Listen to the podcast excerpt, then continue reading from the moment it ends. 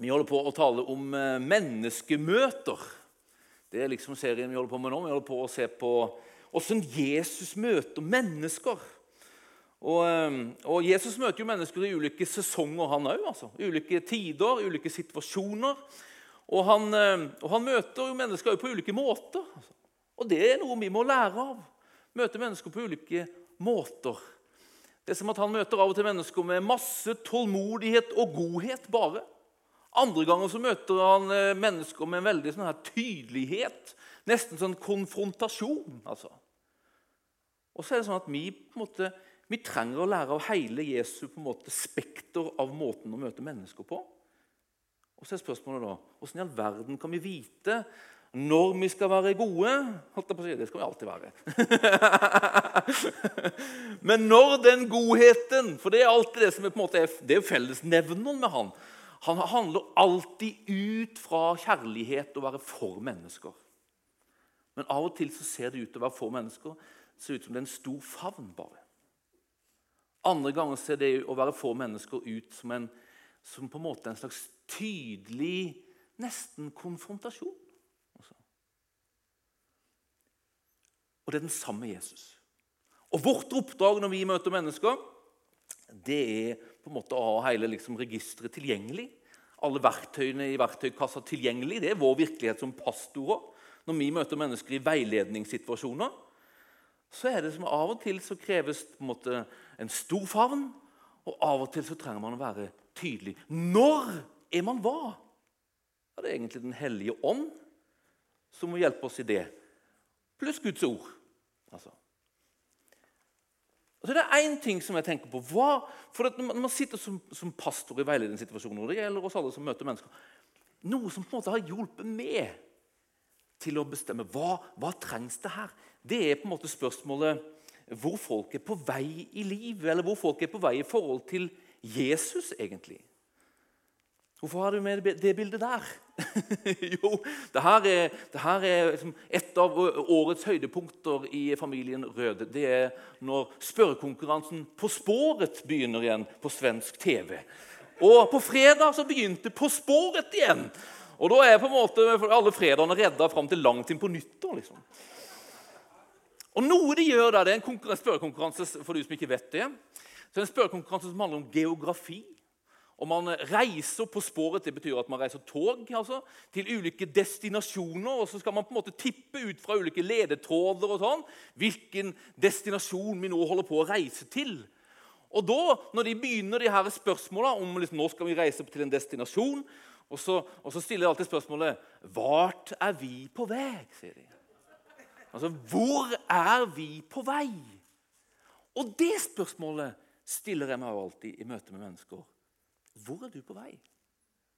For det er noe av det som er det mest avgjørende for hvordan vi møter mennesker. Hvis mennesker er på vei nærmere Jesus, ja, da konfronterer jeg aldri, nesten. Jeg tror ikke han sier aldri. For konfrontasjonen det er nærmest et oppvåkningsmiddel. ikke vel? Da risikerer du å støte folk bort når folk allerede er på vei. Men hvis folk er på vei bort fra Jesus, da kan tydelighet være mer nødvendig. Hva hvis folk står stille, da?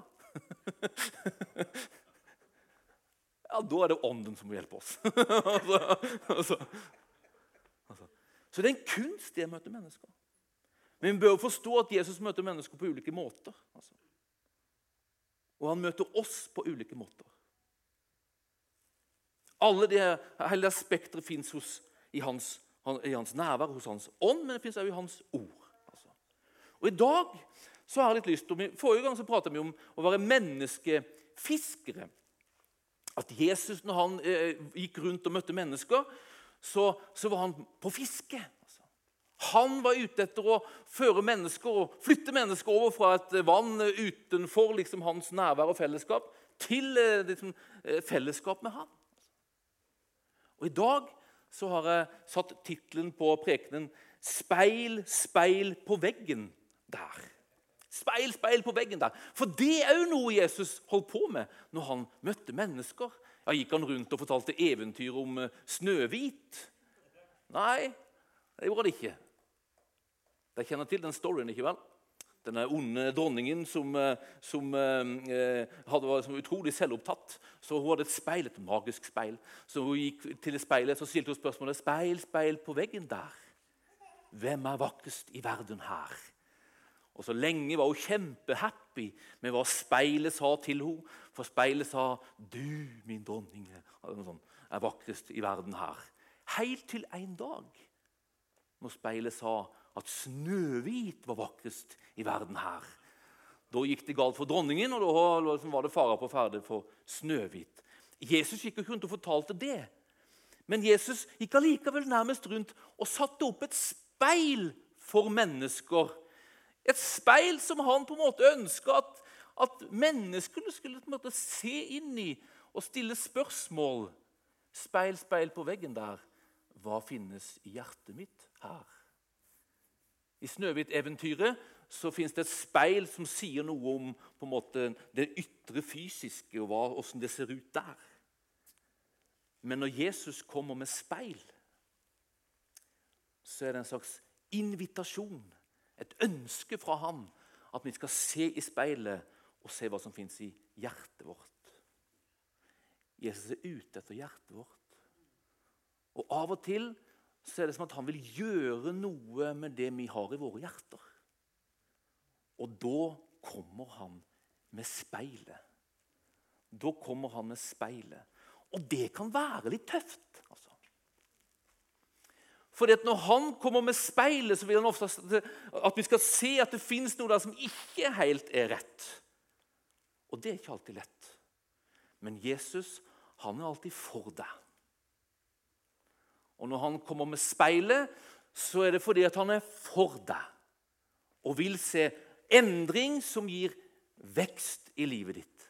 Sånn at du enda mer kan være det han har tenkt at du skal være i denne verden. Den menneskefiskeren vi prata om sist uke. Det Den unike liksom, agnet med den unike kroken som skal få være med og bety en forskjell i denne verden. Og betyr faktisk at mennesker kan finne Jesus det er hensikten med ditt og mitt liv. At mennesker skal finne Jesus gjennom oss. Og For den hensikten vil han forme oss, fostre oss, og da trengs det av og til et speil for at vi skal se hva som fins i våre liv. Ja, det, finnes, det trengs en speilprosess. Det er fine greier. Så. Ser dere at det er et hjerte? Det er faktisk et hjertespeil. og der er på en måte en prosess som Jesus ønsker at vi på en måte skal tillate at han får gjøre i våre liv. En prosess i fire steg. Det handler om at han ønsker at vi skal få selvinnsikt. At vi ser noe i mitt eget liv. Altså, ser åssen tilstanden er. Se hva som fins i livet vårt. Altså, det er steg én. At du ser det. Men det holder ikke å se det. For du, det, et, det trengs jo et steg nummer to, og det handler om erkjennelse. Når du ser det, så må du erkjenne at ja, det der fins i livet mitt. Jeg aksepterer det, jeg innrømmer det, og bortforklarer det ikke. Eller unnskylder det, eller snakker det bort. Men jeg erkjenner. Men det holder ikke, det. Det holder ikke å erkjenne. For Hvis du bare ser noe fælt og erkjenner at det er fælt, så er det ikke så mye endring i det heller. altså. Nei, Da trenger du neste steg, som er å bekjenne det. Da går jeg til Gud med det. Enten direkte Jesus han sier, 'Kom til meg'. Kom til meg med byrdene dine. Kom til meg med feilstegene dine. Kom til meg med liksom, eh, de her svake punktene. Kom til meg med det du ikke har sett før av elendighet. Om du ser det. Altså. Kom til meg! Altså. Han vil ikke vise oss noe i speilet. Han vil ikke bare produsere en erkjennelse, og så bare ler han oss. Ha-ha, du elendige. Nei, han sier, 'Kom til meg med det.' Med det du har sett, med det du erkjenner. Si det til meg. Gi det til meg. Enten direkte i bønn, eller så går du til noen som du stoler på, som kan hjelpe deg med det. Altså. Og så er det siste punktet action. Handling. Og Det er på en måte todelt. Det er å ta imot hjelp fra han, eller styrke fra han, eller tilgivelse fra han. Ta imot det han vil gi deg. Men så handler det om en villighet til å gjøre noe med det om det behøves for at endring skal skje i livet ditt. Dette er fire punkter i speilprosessen som jeg tenkte vi skulle ta oss gjennom i kveld. For denne begynner med selvinnsikt. Speil, speil på veggen der. Fortell meg hva som i hjertet er. Så er det, liksom, det er spørsmålet. Tenk på det når du leser Bibelen din. Nå er det, da er jo sånn punkt da han vil tale til deg. Åpne Bibelen din, og så kan du si 'speil, speil på veggen der'. Vis meg hva som i hjertet er. Altså, det er iallfall en bra bønn å ha. altså. Å ønske at han skal få lyse inn på livet ditt. Og Jesus han gjør det når han møter mennesker. Og når Jesus gjør det her, når han på en måte er på speiljakt, eller når han merker noe hos mennesker Her fins det noe som jeg ønsker å gjøre noe med. Når han skal sette opp speilet, så gjør han det veldig ofte ved hjelp av lignelser. Har tenkt på det? Lignelser. Hva er lignelse? Hvordan leser du lignelser? For lignelser er ofte på en måte litt misforstått av oss liksom, bibellesere. En lignelse det handler på en måte om, om, en story eller et bilde som handler på en måte om noe her på jorden. ikke vel? En situasjon eller et fenomen på jorda som har en hensikt av å vise oss noe om himmelen eller det åndelige. Enten en sannhet eller altså, noe om, om himmelen ved hjelp av et jordisk bilde. Men Ofte så, måte, så, så, kan vi misforstå liksom hva hensikten med For hensikten med lignelsene det er ikke liksom en sånn, det er ikke det at alle deler i en sånn story handler om noe på en måte i himmelen.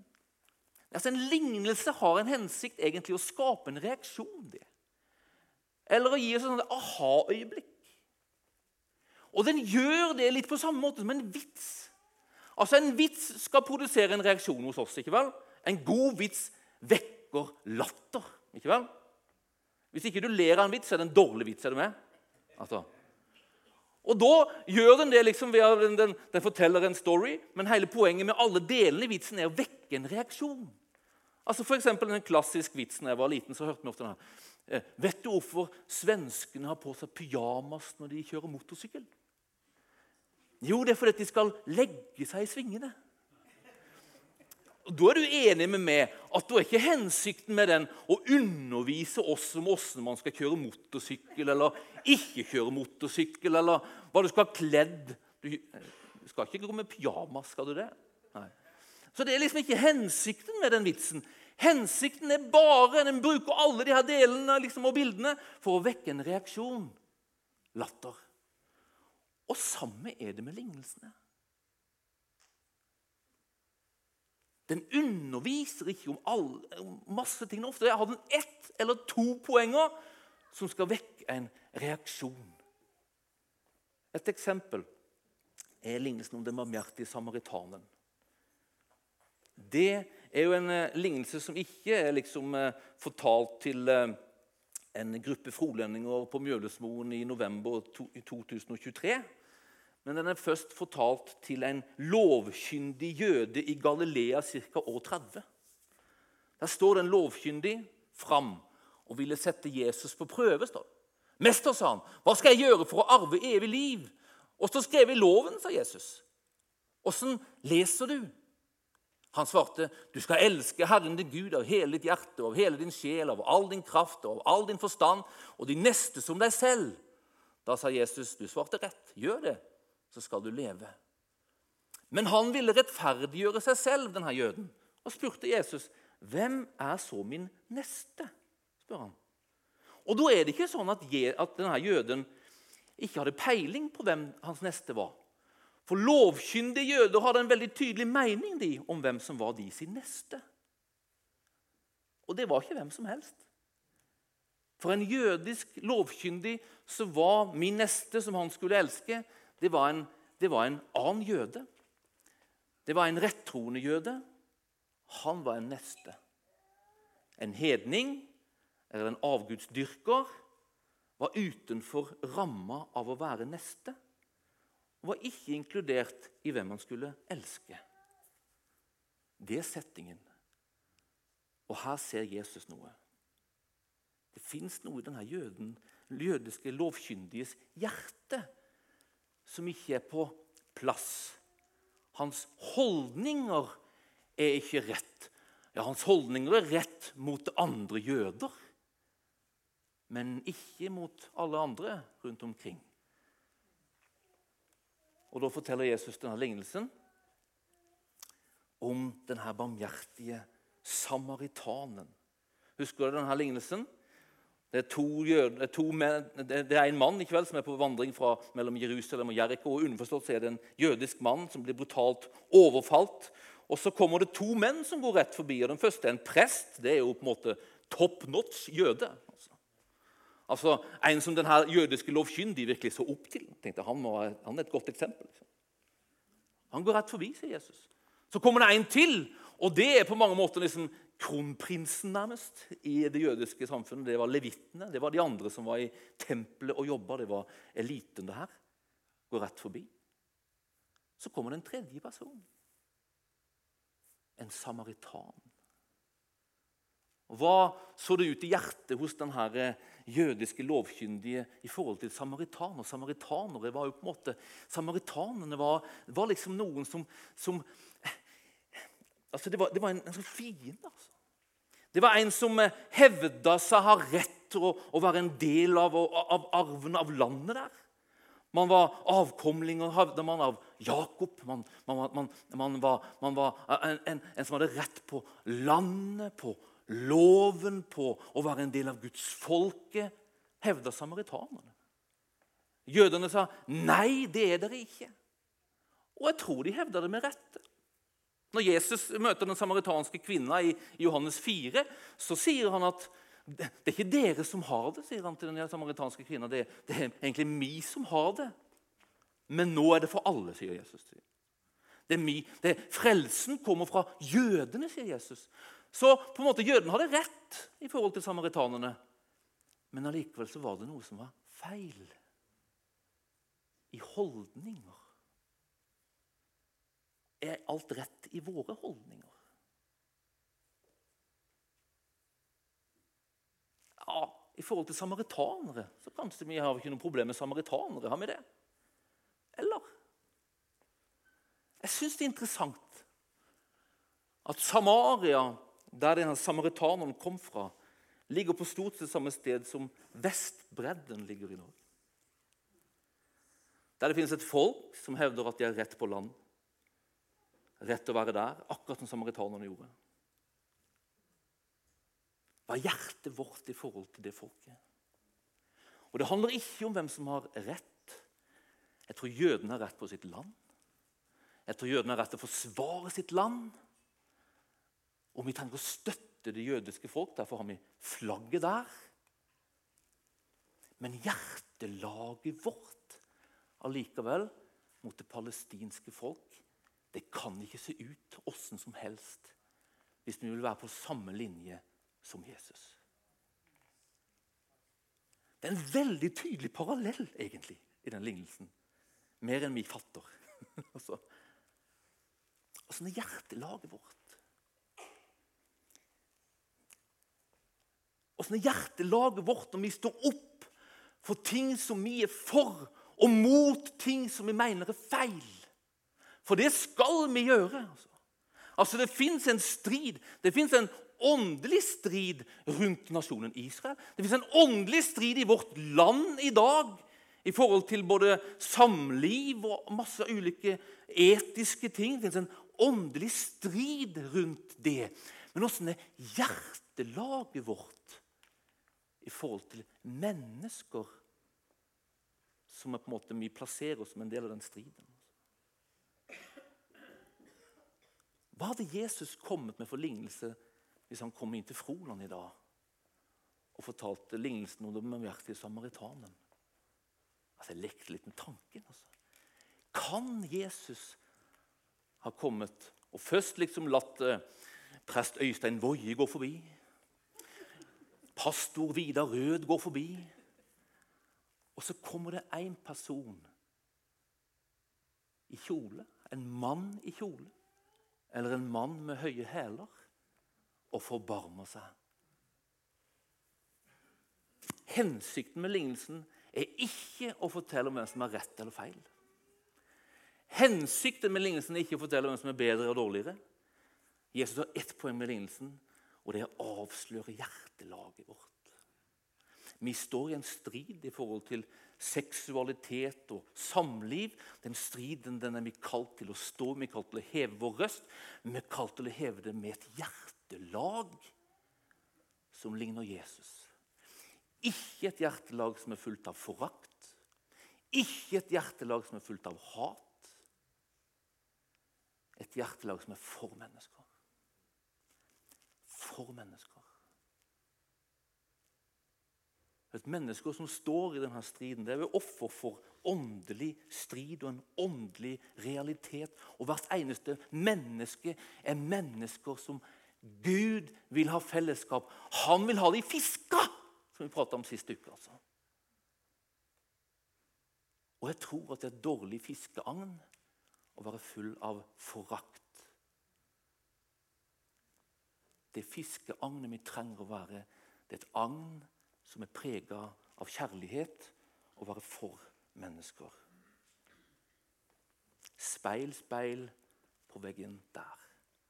Hva fins det i hjertet her? Selvinnsikt. Han bruker lignelser.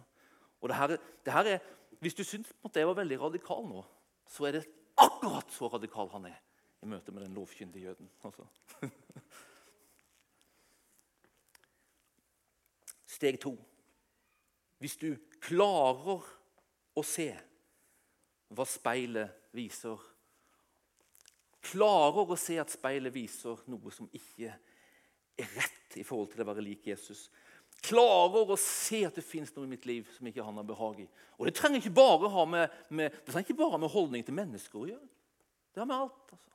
Det, kan være, det kan være løgn som fins i livet ditt. Det kan være at du på en måte liksom driver og jobber eh, grått. Om ikke du jobber svart, så jobber du iallfall grått. Altså, han vil vise alt som ikke finnes behag i, så vil han vise deg. Han vil gi deg innsikt om det. Og da, i det, så fins det et kall til å erkjenne det. Og si sånn ser det ut i mitt liv. Sånn ser det ut i mitt liv. Altså, Det handler om å ydmyke seg. Altså. Det å innrømme, erkjenne eller gi opp. Risken er at du istedenfor det nemlig vil forsvare deg, unnskylde deg, og så gå videre uten å gjøre noe med det. F.eks. nå når jeg provoserte deg litt i stad. Så kanskje det verste jeg har hørt. Det der vil ikke jeg høre på. Det er fullstendig absurd. Hvis det er holdningen din, så skjer det ikke noen forandring. og mener du kan ha rett. For du trenger på en måte ikke la meg være speil. Det er ikke vi som skal være speil i ditt liv, det er Hans ord. Så hvis du erkjenner at Hans ord sier det jeg sa i stad, da trenger du å la det speile livet ditt. Og Da er du kalt til å ydmyke deg. Ydmyke seg det handler om å gi Gud rett. Det handler om å gi Gud rett og erkjenne at jeg har det her i mitt liv. Jeg ser det, erkjenner det, jeg har det, aksepterer det. Innrømmer det. Og Det her med stolthet, for dette er på en måte Den motsatte delen er jo stolthet. Og det står Hos Jakob så står det at Gud står de stolte imot. Det står ikke at Gud hater de stolte, men han hater stolthet. For det, det, er som at Han står de stolte imot, og det er litt det Jesus gjør. Det er litt det speilet gjør. det, det at Han står imot. altså Han vil dulte til det. altså. Ser han stolthet, så vil han dulte til det. Ser han stolthet, kan du garantere at speilet kommer. Altså. Han vil dulte i det. Han vil dulte i det. Og Hvis du ser Jesus i evangeliet når han på en måte omgås med mennesker og møter mennesker, når han møter på stolthet, da er det ikke omfavnelse som gjelder. Nei, Da er det på en måte nesten sånn, det er konfrontasjon. Altså. Som å dulte til det. Ikke for at noen skal falle, men for at noen skal våkne. Altså. En annen lignelse står i Jakob, Jakob, Lukas 18. Til noen som stolte på at de sjøl var rettferdige, og så ned på alle andre, fortalte Jesus denne lignelsen. To menn gikk opp til tempelet for å be. Den ene var fariseer, og den andre toller. Fariseeren stilte seg opp for seg sjøl og ba sånn. Gud, jeg takker deg for at jeg ikke er som andre mennesker, de som svindler, gjør urett og bryter ekteskapet, eller som den tolleren der. Jeg faster to ganger i uken og gir tiende av alt jeg tjener. Tolleren sto langt unna og ville ikke engang løfte blikket mot himmelen men slo seg for brystet og sa, 'Gud, vær meg synder nådig.' 'Jeg sier dere, tolleren gikk hjem rettferdig for Gud, den andre ikke.' 'For hver den som setter seg sjøl høyt, skal settes lavt.' 'Og den som setter seg sjøl lavt, skal settes høyt', står det der. Stolthet. Noe av det det gjør, det er at en roser seg av liksom jeget. Altså. Jeget. Her har du på en måte to typer av stolthet. Det fins to typer stolthet. Jeg husker vi hadde En gang for mange år siden så hadde vi noe som heter Nazirea-kurs. Du husker det, du husker ikke det? Nazirea-kurs fra en fra Filippinene. Og Han prata om to typer stolthet. Det var første gang jeg hadde hørt om det, men han hadde jo helt rett. Fordi denne, Det vi tenker stolthet, det er det der oppblåste. Store med. Wow. Men han prata om en, en, en, stolthet som var en, en, en maks stolthet. Altså en makk. og Det handler om en stolthet som var annerledes, som bare lå liksom på bakken, bøyd under. Jeg er elendig. Jeg er ikke verdt noe.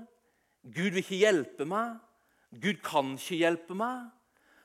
Og Av og til så er det som at denne, denne veldige nedbøydheten og at man er så elendig Man tenker nå er jeg veldig ydmyk. tenker man. Men det er en falsk ydmykhet. Fordi den sier noe annet om du enn det Guds ord sier. Og det er som at denne store stoltheten Gud står den imot. Altså, fordi den store stoltheten stenger han ute. Men vet du at Gud står også imot den falske ydmykheten. For den stenger han ute like mye. For du er ikke verdt å ta imot noe som helst. Du er ikke verdt noe hjelp. Du er ikke verdt at han bryr seg, og du tror ikke engang at han vil bry seg fordi du er så elendig. Altså Det er en sånn ydmykhet som på en måte er en slags falsk ydmykhet. Og du kan ikke tenke deg ja, jeg er jo ikke stolt. Sånn. Men er du kanskje litt mer sånn derre maktstolt? altså, har du rett tanke om deg sjøl? La du hans speil speile det? i livet ditt. Du er rettferdig, du. Du er elska, du. Vi om, eh, På bønnemøtet før så, så vi, Trond spurte vet dere hvem dere er. sier han til noen østfoldsk. vet du. Ja? Og så ja, ja, ja, Noen forslag der. Noe, ikke Det er et veldig bra spørsmål. altså. Vet dere hvem dere er? Og hvis han ser noe i ditt liv og sier, du vet ikke hvem du er, du. Da kommer speilet. Da kommer det nok kanskje ikke sånn, men da kommer det sånn. Men han vil at du skal se hvem du er. Og så vil han at du skal, når du har sett det, så vil han at du skal erkjenne det. Jeg er faktisk en sønn og datter av Gud. Jeg er rettferdiggjort. Og sånn at du skal bekjenne det. Si det til ham. Åssen bekjenner du det? Du bekjenner det som synd. Stolthet er synd. Enten det er den stoltheten eller maktstoltheten. Det er synd som skal bekjennes. Men det første steget er erkjennelsen. Og så lurer jeg på om vi kanskje er litt mer sånn stolte som det der, enn vi kanskje tenker. men vi er en del av en, et, en, en del av verden der vi er ganske selvtilfredsstilte. Altså, vi er selvopptatte, og vi er selvtilfredse. Altså, vi har det vi trenger. Har det ganske bra. Klarer det ganske bra. Jeg fikser livet. Det er et sånn relevant spørsmål du alltid stiller. Trenger vi Gud?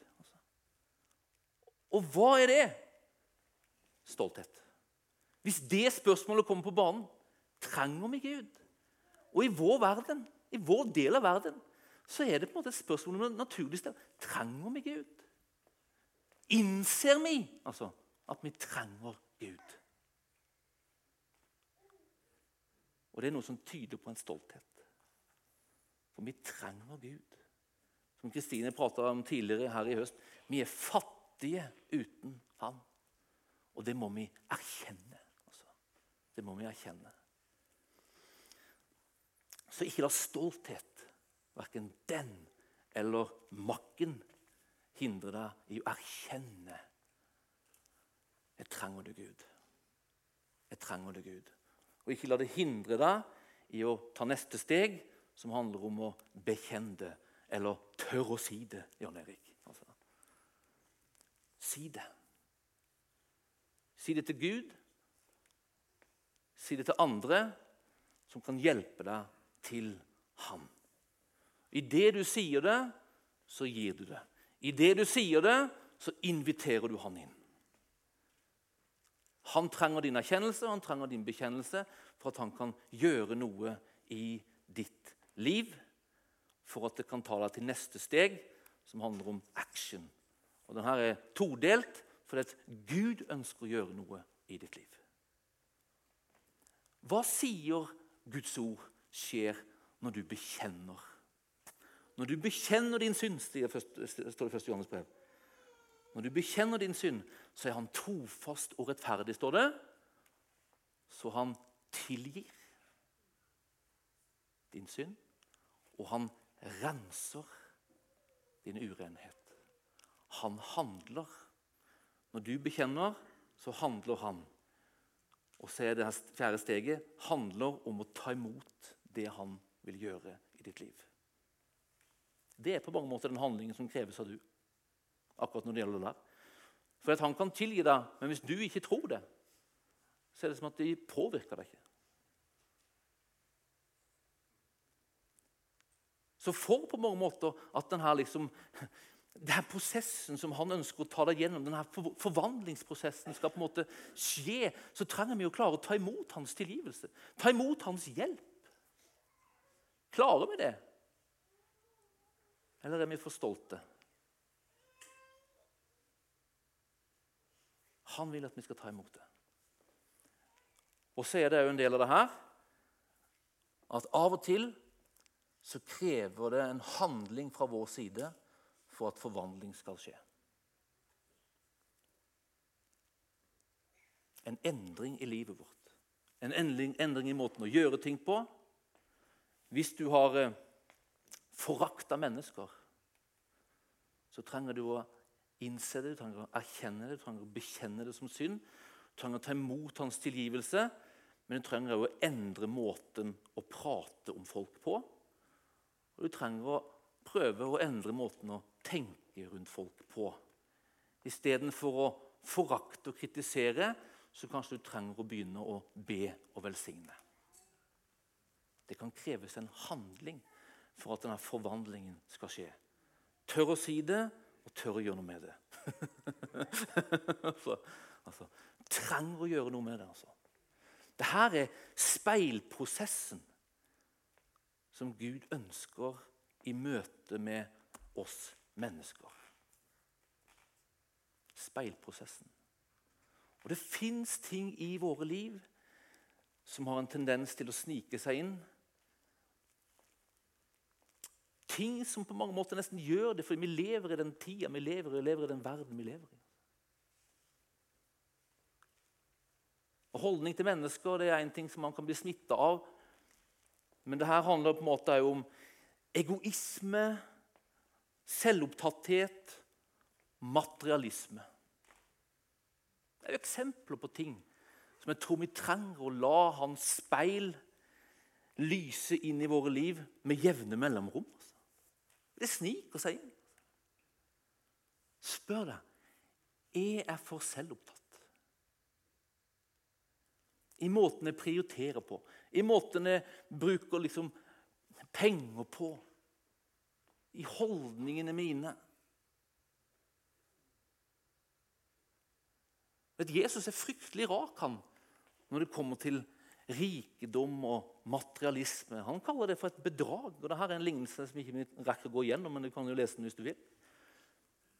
Men det står her på siste vers, vers 21 så står det Slik går det med den som samler skatter til seg selv, og ikke er rik i Gud. Altså, Det er jo ganske alvorlig. Og Når Jesus sier det på et annet sted, sier han du kan ikke tjene to herrer. Du kan ikke tjene både Gud og mammon. Hva er mammon? Det er rikdom personifisert som en makt. Det er penger. Rikdommen har et bedrag som er ute etter å fange ditt og mitt hjerte. Fange nærmest vår lojalitet. Begrense Guds utrom i våre liv.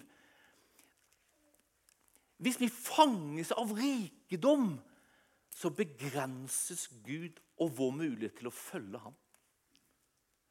Jeg tror en av de største på en måte, fiendene mot at vi skal bli menneskefiskere som Gud har tenkt, det er rikdom. Det er roten til alt ondt, sier Paulus. Rikdom det, det er ikke, Pengene er ikke vonde i seg sjøl.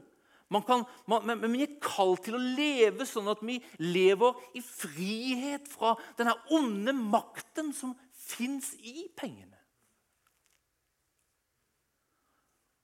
Og det er en makt vi må vokte oss for. Vi trenger å la speilet speile inn i våre liv og hjelpe til å se åssen er stelt nå. Hva er jeg opptatt av? Er det mitt liv og mitt rike, eller er det du, Gud, og ditt rike?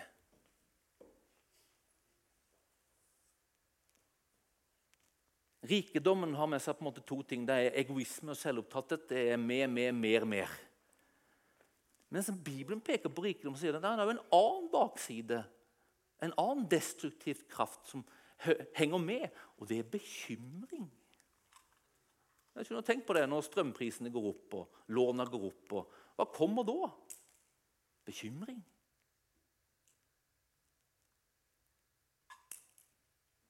Han vil at vi skal se det, han vil at vi skal erkjenne det hvis det er sånn. Han vil at vi skal bekjenne det, og så vil han at vi skal ta imot den veiledning og frihet han vil gi oss. Det fins en frihet fra rikdommens makt. Det fins en frihet fra, fra, bekymring. Og vet du hva det er? Takknemlighet. Man kan takke seg fri fra bekymring. Altså, Paulus sier det. altså, Han prater om det. Hvis du er bekymra, hva skal du gjøre da? Gå til Gud med det. Bekjenn det.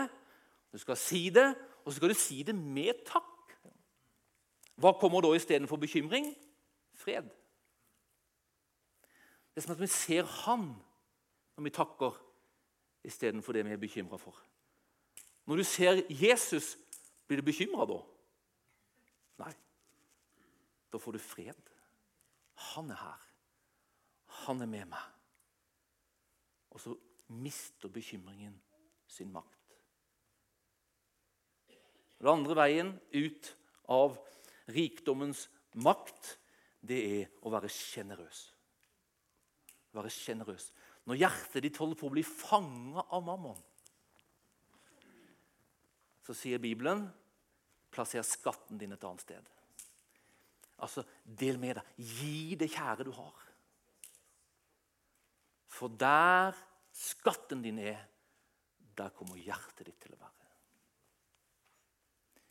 En selvinnsikt på det som har med rikedom, egoisme og materialisme å gjøre, tror jeg vi trenger å ha. Jeg tror vi trenger å ha det. Altså, Det her er Jesu møte med mennesker. Han vil plassere et speil. Og vi plasserer det foran oss, og så må vi av og til plassere det foran andre Men vet du hva jeg vil si? Før du begynner å plassere speil framfor noen andre, så trenger du å la speilet gå over ditt eget liv. Altså, det er fy-fy. Du får ikke lov til å begynne å plassere speil framfor andre før du lar speilet gå i ditt eget liv. Det er det Jesus sier. Han sier før du driver og begynner å prate om flis i andres øyne, så gjør noe med bjelka i ditt eget. Altså, vi trenger det. Vi trenger det. La speilet gå over våre liv før vi lar det gå over andres liv. Dette er Jesus, en måte Jesus møter mennesker på. Han vil speile, han vil gi selvinnsikt. Hvorfor det? Fordi han ikke liker oss, fordi vi skal falle? Nei, fordi han vil vi skal vokse og bli det han har tenkt. Altså. Og Da trenger vi denne invitasjonen, eller ta imot invitasjonen til å få selvinnsikt. Speilprosessen. Amen? Nå ble dere stille, altså. Har jeg vært litt for tøff i dag? Nei da, har jo ikke det. altså. Altså, det, er, det er sunt, altså. Det er nødvendig for vekst. Det å våke over hjertene våre i forhold til andre. Det å våke over hjertene våre i forhold til Fins det en sånn stolthet og selvopphøydhet eller en selvnedbøydhet som er feilaktig? Og det å våke over hjertene i forhold til materialisme og egoisme som er så sterkt til stede rundt oss. Altså. Amen? Lovsangere kom.